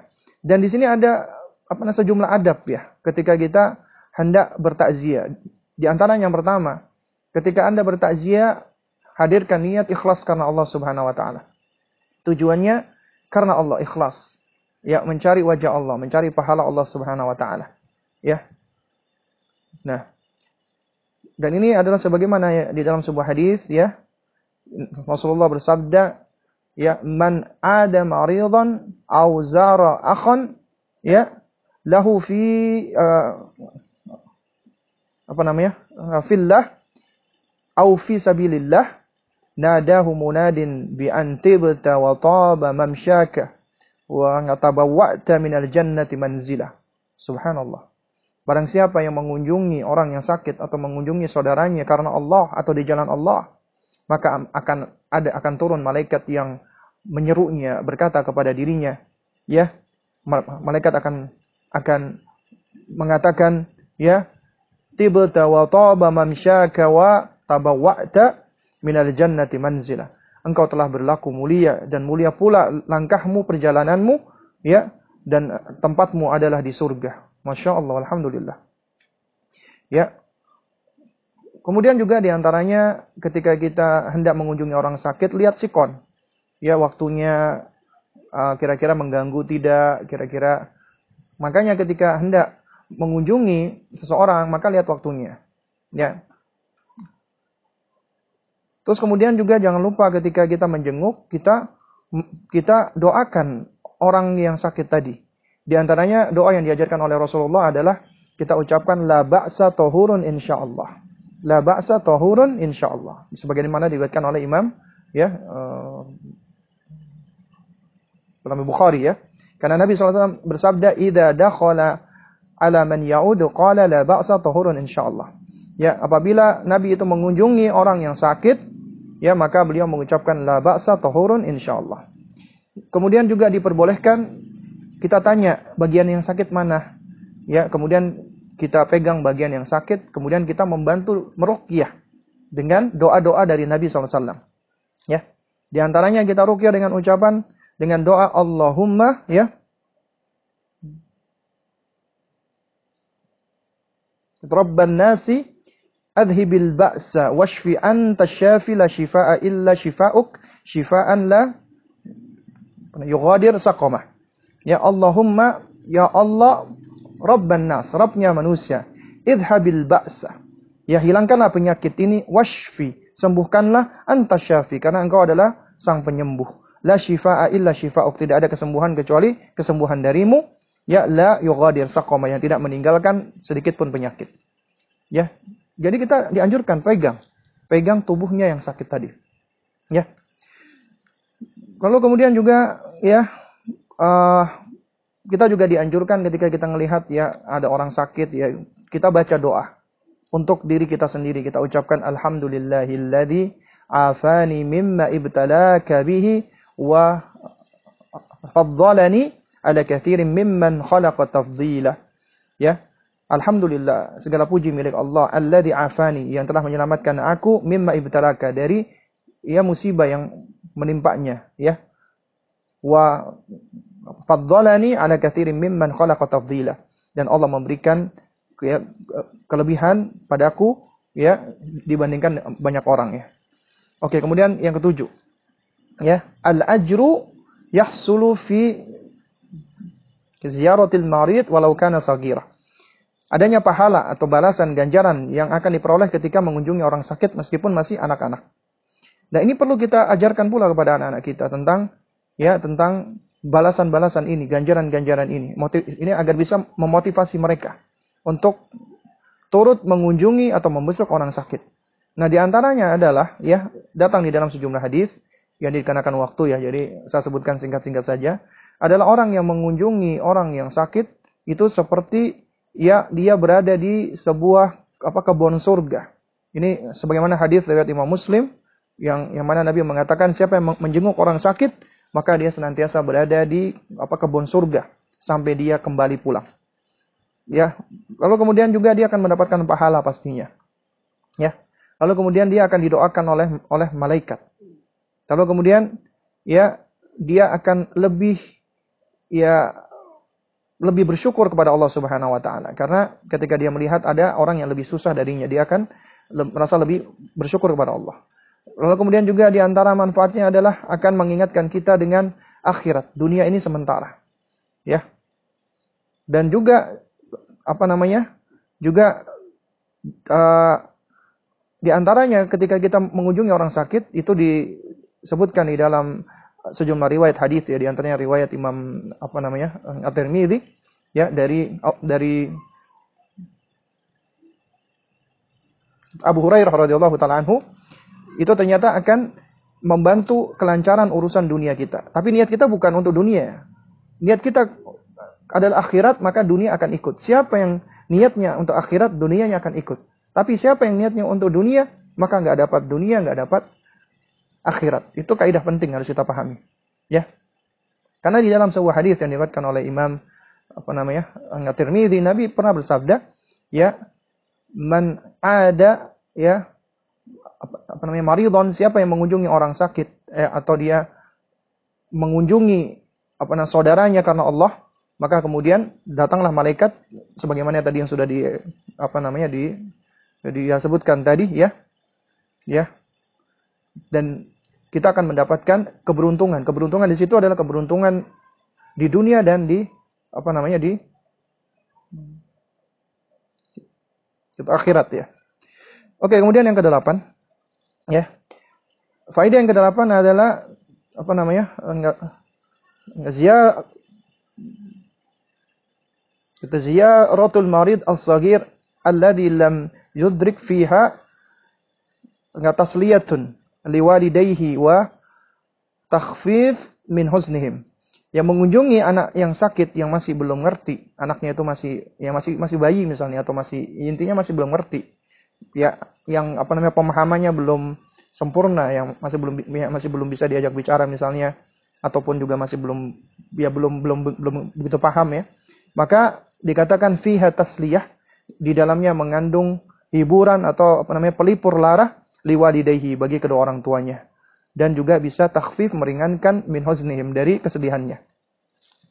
Kemudian yang, yang kesembilan min fawaidi ya apa namanya ngazia ngazia rotil marid ya di antara faidah saat mengunjungi orang sakit ya. Nah ini penting dan ini juga sebagainya sudah apa saya sebutkan ma, ma yurja apa namanya ya ma yurja fi ziyarati min barakati du'ail aid ya.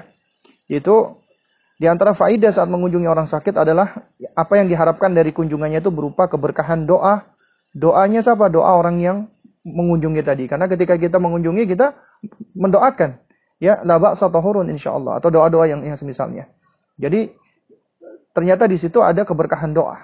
Ya, wa wadha'a yadahu 'alal marid kemudian meletakkan tangannya di atas orang yang sakit tadi sebagaimana sudah dijelaskan tadi adab-adabnya ya wal wal mashu 'ala jasadih kemudian mengusap ya tubuhnya kemudian apa namanya apa namanya uh, apa namanya nafathu alaihi inda ta'widz kemudian meniupkan ya apa kepada orang sakit tadi ketika ta'widz ketika kita mengucapkan ya apa namanya ta'widz ya ketika mengucapkan apa namanya A'udzu billahi minasyaitonir rajim ya. Qalahu Ibnu Hajar ini yang disebutkan oleh Al-Hafidz Ibnu Hajar Al-Asqalani. Taib, kemudian bisa digeser ke slide berikutnya yang ke-10. Ini memang masih banyak, apa, panjang ya faedahnya ya. Yang faedah yang ke-10 adalah ya ngazia apa namanya? Ngazia rotil maridhi sagir alladhi yudriku fiha fawaidu jammah minha mengunjungi anak sakit yang anak itu sudah ngerti ya ya di antaranya sudah mumayyiz itu di dalamnya mengandung manfaat yang besar di antaranya ya isyaruhu bi siha wal afiyah. Ya, supaya dia turut merasakan betapa besarnya nikmat sehat wal, wal afiat ya. Itu di antara uh, faidahnya. Kemudian ya, yang berikutnya adalah wa ihsasuhu bil itu namanya maradhah ya. Jadi jadi turut merasakan empati dengan orang yang sakit ya. Kalau kita membawa anak-anak ya maksudnya untuk mengunjungi orang yang sakit ya. Wa ta'widuhu ala adabi apa namanya ngaziyaratil marid. Kita membiasakan mereka ngerti tentang adab-adab ketika mengunjungi atau membesuk orang yang sakit. Ya kemudian juga wa taqwiyatul jawanib al-ijtimaiyah ladaihi. Dan menguatkan aspek aspek sosialnya dia ya. Uh, sensitivitas sosialnya dia ya ya kemudian apa namanya wa rubbama kana fi dzalika ya nasyatuhu wa khifatuhu. Dan ini bisa jadi akan melahirkan semangat dan juga bisa mengentengkan atau meringankan sakit tadi. Ya, itu di antara manfaatnya disebutkan oleh Syekh Abdul Aziz Al-Huwaitan. Kemudian yang ke-11, ya. Faedah yang ke-11, ini kita bicara tentang hukum fikih sekarang. Kata Syekh Abdul Aziz Al-Huaitan, ya.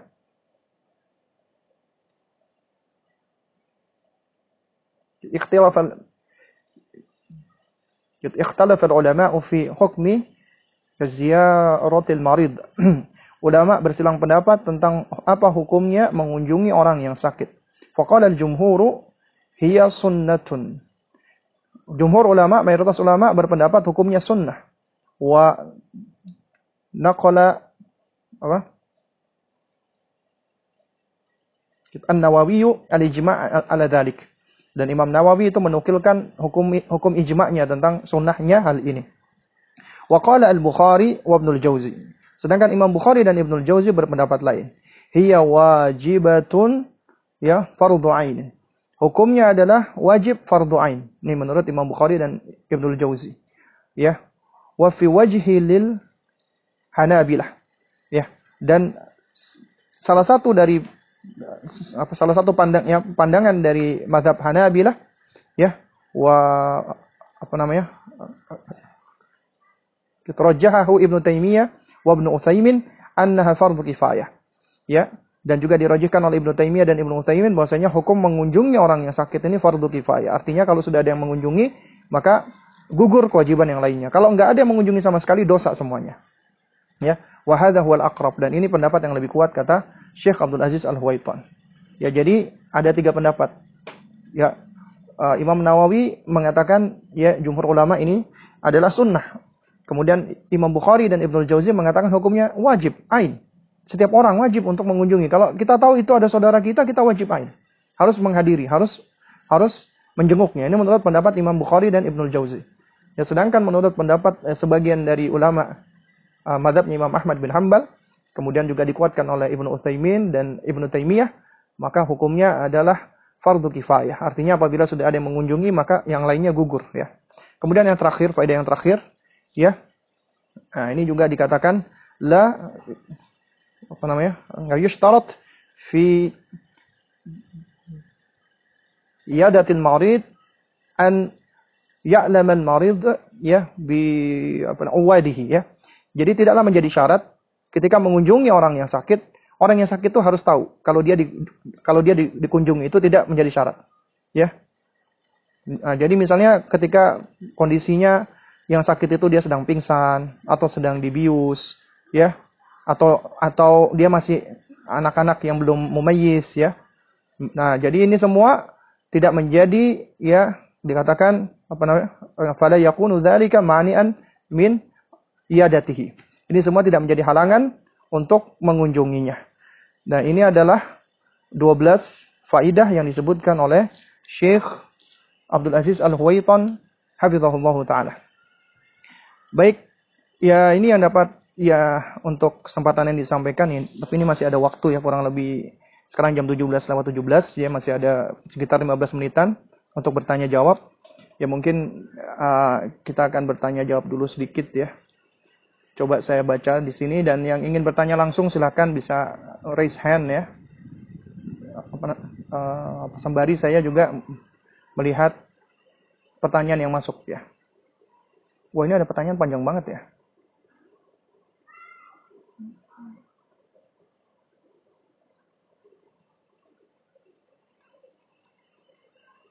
Ya, silakan uh, sementara menunggu yang akan bertanya resen ya, saya coba ber, apa saya coba baca dulu di sini. Ya, ada pertanyaan yang sudah masuk. Ana seorang akhwat yang masih kelas 1 SMA. Masya Allah wa tabarakallah. Ana memiliki adik laki-laki yang masih berusia lima tahun. Akan tetapi kedua orang tua anak sudah tua dan qadarullah belum mendapat hidayah sunnah sehingga kurang baik cara mendidiknya. Jadi selama ini anak yang berusaha semaksimal mungkin untuk mendidik adik anak dengan sebaik-baiknya di atas manhaj yang hak, masya Allah. Insya Allah Allah akan ganjar dengan pahala yang berlimpah. Apakah saya sebagai seorang kakak perempuan menggantikan peran seorang ibu dalam hal mendidik adik anak ini diperbolehkan Ustadz? Toib, ini pertanyaan yang sangat bagus sekali. Ya, memang yang berkewajiban untuk mendidik ya, untuk mengasuh, mendidik, mengajari itu sebenarnya memang adalah orang tuanya, ibunya khususnya. Tapi apabila memang ya kita sebagai kakak misalnya dan kita tahu ya kita sudah belajar Allah karuniakan kita hidayah Allah karuniakan kita pengetahuan atau ilmu sehingga dengannya kita ya bisa ya memiliki pengetahuan sedikit lebih daripada orang tua kita dan kita menginginkan kebaikan untuk adik kita maka kita boleh boleh membantu ibu kita ya. Artinya bukan mengambil alih ya dan bukan pula menggantikan karena kita nggak bisa menggantikan sosok ibu kita ya Biar bagaimanapun sejelek-jeleknya ibu kita, maka kita nggak bisa menggantikannya. Tetap ibu kita adalah ibu yang tidak bisa digantikan oleh siapa pun. Tapi apabila memang ada hal-hal yang sebagai manusia ya, uh, beliau memiliki apa kekurangan-kekurangan, maka kita boleh, kita boleh melengkapinya, kita boleh berusaha untuk menyempurnakannya, dan Allah tidak akan tidak akan apa? Allah tidak akan menyia-nyiakan semua amal perbuatan baik kita. Dan seberapa banyak kita mendidik anak kita, eh, maksud saya maksud saya adalah adik kita. Kita ajarkan adab, kita ajarkan akidah yang benar, kita ajarkan tauhid dari semenjak dini, kita ajarkan kebaikan-kebaikan, kemudian diikuti kebaikan-kebaikan itu, maka Anda sebagai kakak akan senantiasa mendapatkan pahala yang berlimpah, pahala yang senantiasa mengalir. Ya, dan ini adalah suatu suatu apa? ujian buat Anda, tapi di sisi lain ada karunia yang besar karena di situ Anda ya bisa ya mendapatkan kebaikan-kebaikan. Di antara kebaikannya adalah Anda bisa belajar sebelum Anda mempunyai anak, ya Anda sudah ya sudah sudah bangkit ya uh, perasaan keibuannya, kemudian juga sudah memiliki semangat untuk mendidik anak dan ini adalah suatu hal yang luar biasa sekali ya bahkan kalau boleh saya katakan ya ini di antara salah satu standar ya bagi seorang laki-laki untuk mencari seorang istri adalah di antaranya ketika ya wanita tersebut dia sudah memiliki sifat keibuan yang sangat luar biasa. Ya di antaranya juga ya di, apa diimbangi dengan keilmuannya dia. Ya.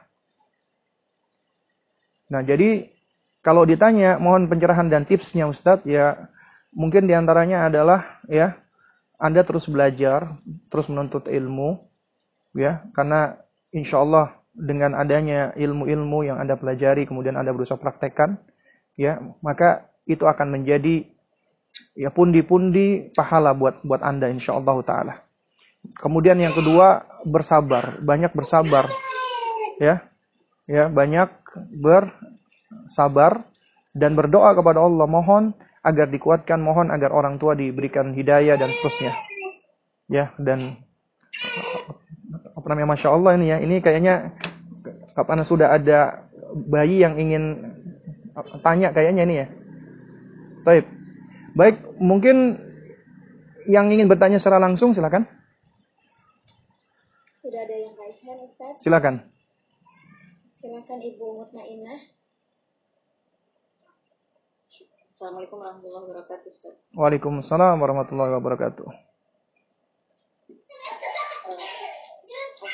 Uh, sebagaimana yang kita ketahui, uh, sekarang ini para ayah itu kan uh, bisa dibilang kurang ya dalam uh, berperan dalam mendidik anak-anak. Tidak sedikit ada ibu yang melakukan hal itu. Uh, selain berusaha mengingatkan suami, untuk mendoakan suami, uh, nasihat Ustaz terkait misalnya apa yang bagaimana sikap kita misalnya terhadap anak yang melihat ayahnya misalnya berbuat sesuatu yang uh, apa tidak sesuai lah dengan ilmu pengasuhan begitu Ustaz tanpa harus uh, menjatuhkan wibawanya di depan anak-anak. Baik, ya, afwan. Ini suatu hal yang sangat berat sekali ya. Suatu hal yang sangat berat sekali adalah ketika kita mendidik anak kita dan kita tidak ber, ber apa namanya seiringan, kita tidak berjalan bersama, ya. Sehingga ketika kita tidak ber apa seiringan di dalam konsep mendidik anak, ya, maka tentunya akan didapati oleh anak itu banyaknya kontradiksi-kontradiksi.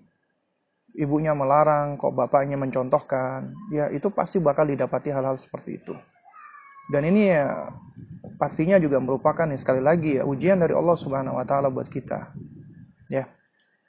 Di, di antaranya dengan kita diuji dengan ya pasangan yang mungkin tidak apa sejalan dengan kita ataupun mungkin juga ya dalam hal-hal ya dari dari apa dalam hal-hal agamanya mungkin juga masih jauh ya. Uh, sebagaimana kita juga masih butuh banyak belajar ya. Dan ini adalah suatu hal yang memang sangat sulit sekali. Nah, cuman bukan artinya tidak mungkin. Karena apa? Karena tetap hidayah ada di tangan Allah Subhanahu wa taala. Selama kita terus berusaha ya, kita berusaha untuk terus belajar mendidik anak kita dengan sebaik-baiknya, ya maka ya mudah-mudahan Allah akan mudahkan dan Allah akan berikan hidayah pula untuk pasangan kita tadi untuk uh, untuk suami kita atau ayah dari apa namanya ayah dari anak uh, kita tadi ya. Nah, jika misalnya apa yang dilakukan oleh sang ayah itu adalah sesuatu yang kurang baik, maka di sini inilah peran ibu ya. Di sini pentingnya peran seorang ibu. Yang pertama dia harus memiliki kemampuan. Kemampuan ini nggak nggak akan dia nggak akan dia apa namanya peroleh kecuali dia belajar menuntut ilmu. Untuk bisa mengklasifikasi kesalahan ataupun apa kekeliruan yang dilakukan oleh oleh oleh sang ayah di hadapan anaknya. Jadi begini. Ada kekeliruan yang sifatnya masih bisa dimaklumi, makfu. Tapi ada ke, apa kekeliruan yang itu bersifat prinsipil, nggak bisa dimaklumi. Artinya harus dijelaskan itu keliru, itu keliru. Karena kalau nggak bahaya buat buat sang anak, ya. Contohnya misalnya, ya, misalnya contohnya uh, sang ayah ya itu misalnya masih ya ibunya misalnya melarang anaknya main game, eh nggak taunya apa main gadget, eh, eh nggak taunya ayah, ayahnya masih suka main gadget. Kadang-kadang anaknya kepo ngeliatin ayahnya lagi lagi apa lagi main gadget. Nah jadi di dalam hal ini yang kita lakukan adalah kita nggak langsung ya mengkat ya. Jadi yang kita lakukan adalah kita berusaha untuk mengalihkan perhatian anak kita untuk kita berikan aktivitas yang lainnya. Baru kemudian ketika kita sedang bersendirian dengan suami kita ingatkan. Nah, tapi kalau itu udah sifatnya prinsip, misalnya itu berkaitan dengan perkara yang sudah bisa membahayakan akidah, ya, maka harus diterangkan itu sesuatu yang keliru meskipun dari ayahnya sendiri ataupun dari kakeknya atau dari dari orang tuanya, dari dari kerabatnya, siapa pun itu apabila dia mencontohkan sesuatu yang buruk, yang jelek, apalagi mengandung kesyirikan, maka itu harus diingkari. Misalnya contohnya sang ayah ya menggantungkan jimat-jimat. Anaknya nanya, "Loh, Pak, itu apa, Pak? Ini jimat, Nak, supaya kita selamat." Oh, ibunya langsung mengatakan, "Enggak, Nak yang bisa menyelamatkan kita cuma Allah. Itu jimat tidak bisa menyelamatkan kita. Itu nggak apa-apa. Ya. Jadi kita nggak usah khawatir kita menjatuhkan martabat suami karena dalam hal ini ini udah udah menyangkut haknya Allah maka kita lebih mendahulukan haknya Allah Subhanahu wa taala dan ini kewajiban kita supaya anak kita tidak terpengaruh dengannya. Ya. Dan juga sejatinya tidak layak bagi seorang wanita yang baik, yang solihah, itu dia bersama dengan laki-laki yang seperti ini. Bahkan bisa jadi jika dia memang punya keyakinan yang udah jatuh kepada kesyirikan, maka pernikahannya itu sudah fasakh. Karena dia sudah jatuh menjadi musyrik. Ya wal billah. Ya. Nah, jadi di sini makanya pentingnya kita harus bisa melihat atau memilah-milah ya sejauh mana jenis kesalahan tersebut. Lalu yang kedua, ya kita harus memperbaiki hubungan kita dengan suami kita. Kita harus ya supaya bagaimana kita bisa berbicara dengan cara yang baik. Ya meskipun ini berat sulit ya.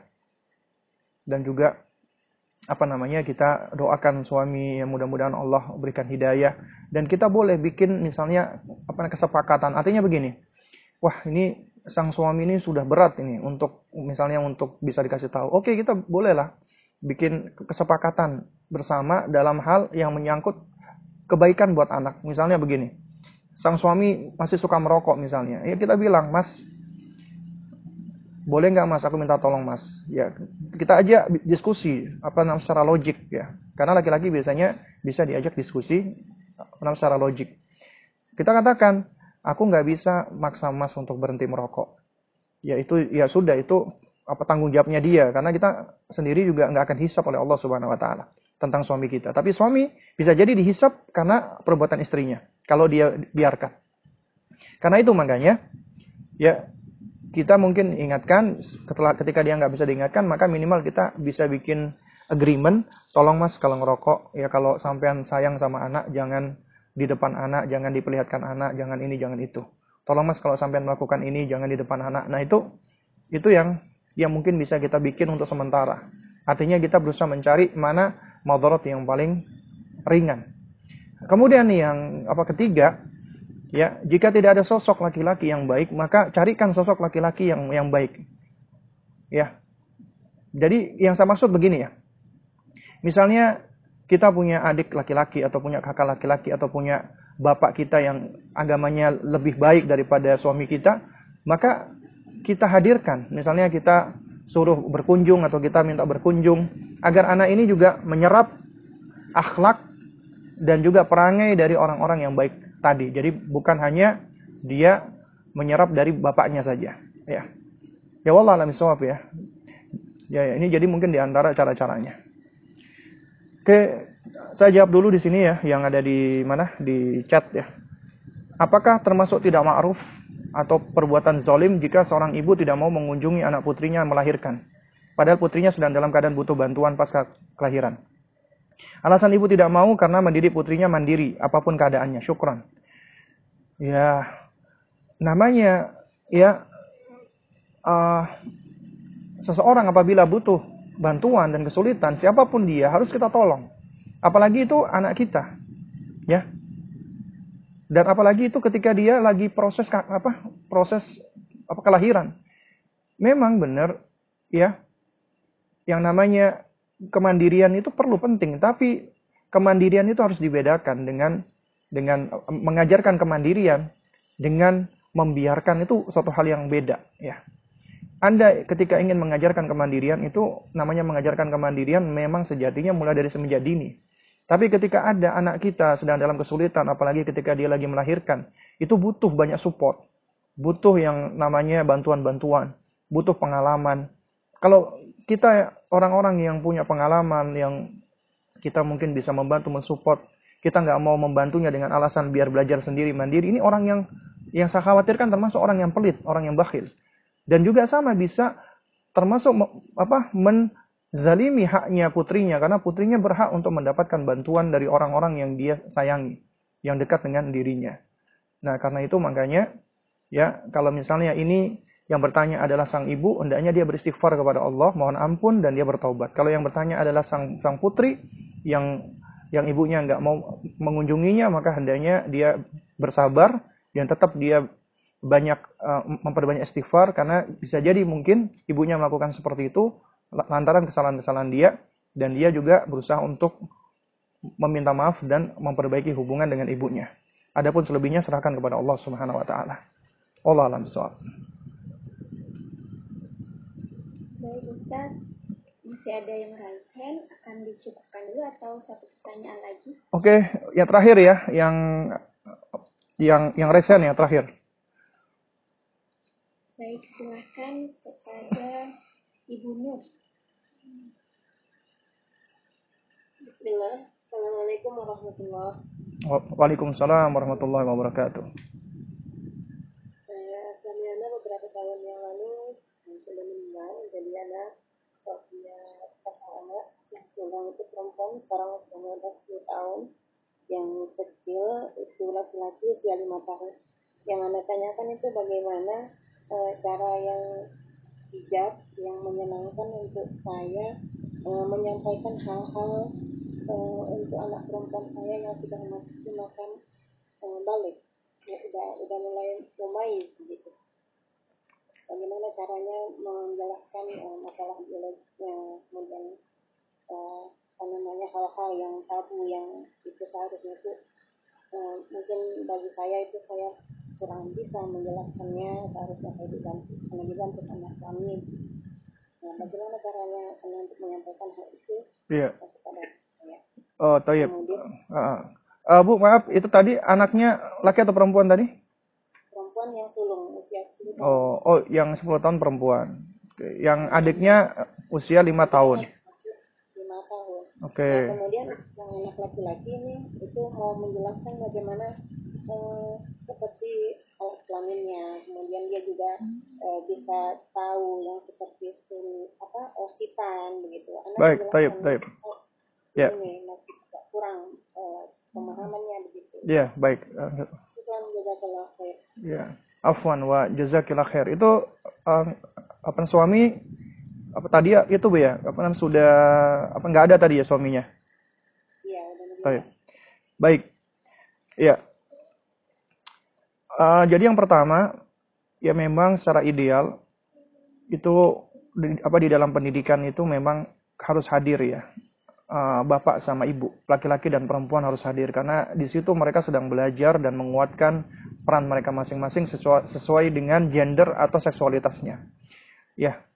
Dan kalau memang ada salah satu yang nggak ada itu memang bisa menimbulkan adanya apa ketimpangan. Karena itu jika ada seorang suami atau istri yang pasangannya sudah tidak ada, maka yang harus dilakukan ya semaksimal mungkin adalah dia berusaha untuk mencari pasangan baru.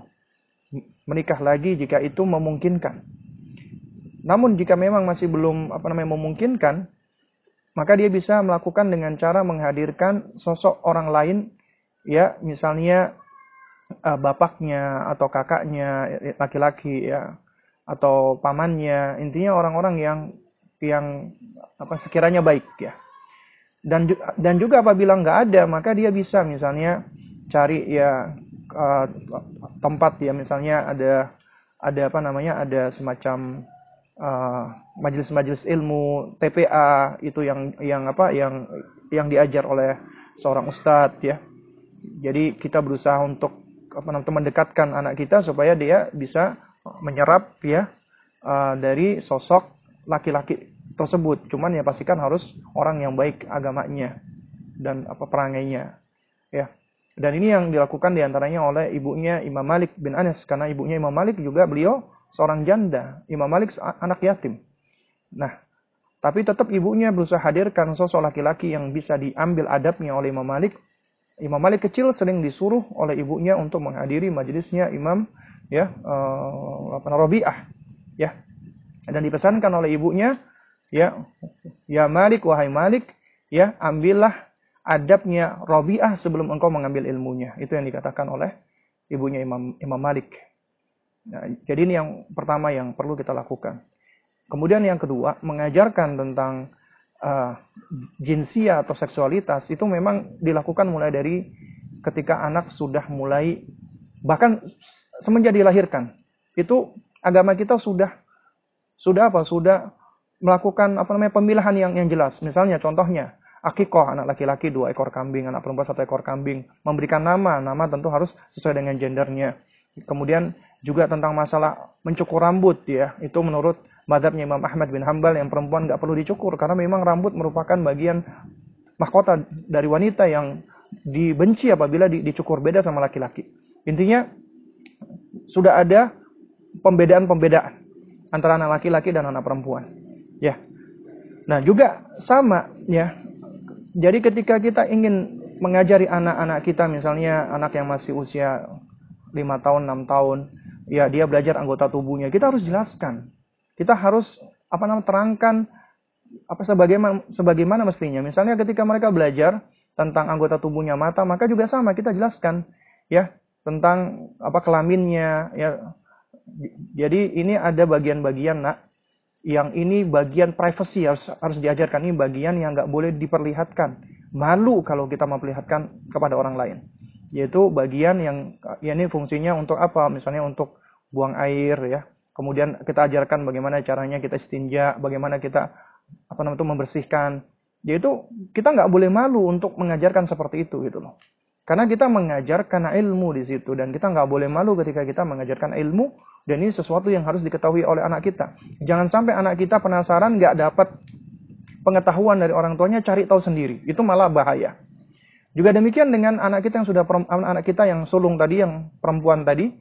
Nah, itu dalam hal yang berkaitan dengan ya dengan masalah dia haid itu yang lebih bisa menjelaskan ibunya kecuali itu anaknya anak laki-laki. Ya. Jadi ketika haid itu ibunya yang bisa menjelaskan apa itu haid dan kenapa sih uh, apa namanya wanita itu haid, kemudian bagaimana hukum-hukum yang berkaitan dengan haid. Artinya kita harus belajar tentang itu dan kita harus terangkan kepada anak kita dan kita ajarkan bagaimana caranya untuk mensucikan diri dari haid, apa yang nggak boleh dilakukan ketika haid, apa yang boleh dilakukan ketika haid, ya. Lalu kemudian ketika sudah suci dari haid, bagaimana tanda-tandanya suci dari haid, ya. Lalu kemudian bagaimana kita bersuci ketika kita sudah suci dari haid, Artinya kita ajarkan mandi mandi janabat itu bagaimana caranya dan seterusnya. Itu itu kewajiban kita sebagai ibunya. Dan kita sebagai orang tua camkan di dalam diri kita, kita pasti sanggup dan mampu mendidik mereka. Ya, sanggup. Pasti kita sanggup. Karena Allah la yukallifullahu nafsan illa usaha. Allah nggak akan membebani seseorang yang orang itu nggak sanggup untuk menanggungnya. Pasti sanggup. Anda punya 10 orang anak, Anda sendirian, seorang ibu sendirian. Yakinlah Anda pasti sanggup untuk mendidik meskipun itu berat, Anda pasti sanggup. Nggak mungkin Allah itu memberikan Anda ujian yang Anda nggak sanggup untuk menanggungnya. Nggak mungkin. Tidak mungkin. Anda pasti sanggup. Nah, jadi juga demikian ketika Anda punya dua orang anak, satu perempuan, satu laki-laki, Anda sanggup untuk mendidiknya, insya Allah Ta'ala. Asalkan Anda berusaha. Ya. Ya Allah alam sawab yang mungkin ini yang dapat saya sampaikan karena ini sudah pukul 17.40 ya dan sebentar lagi maghrib. Ya, mungkin kita akhiri insya Allah kita lanjutkan kajian kita uh, besok ya melanjutkan hadis yang ke-35 dan mudah-mudahan Allah mudahkan semua urusan kita dan Allah jadikan semua ilmu yang kita pelajari ini sebagai ilmu yang bisa memberikan manfaat buat kita semua. Ya, subhanakallahumma wa bihamdik asyhadu an la ilaha illa anta astaghfiruka wa atubu ilaik. Wassalamualaikum warahmatullahi wabarakatuh. Waalaikumsalam warahmatullahi wabarakatuh.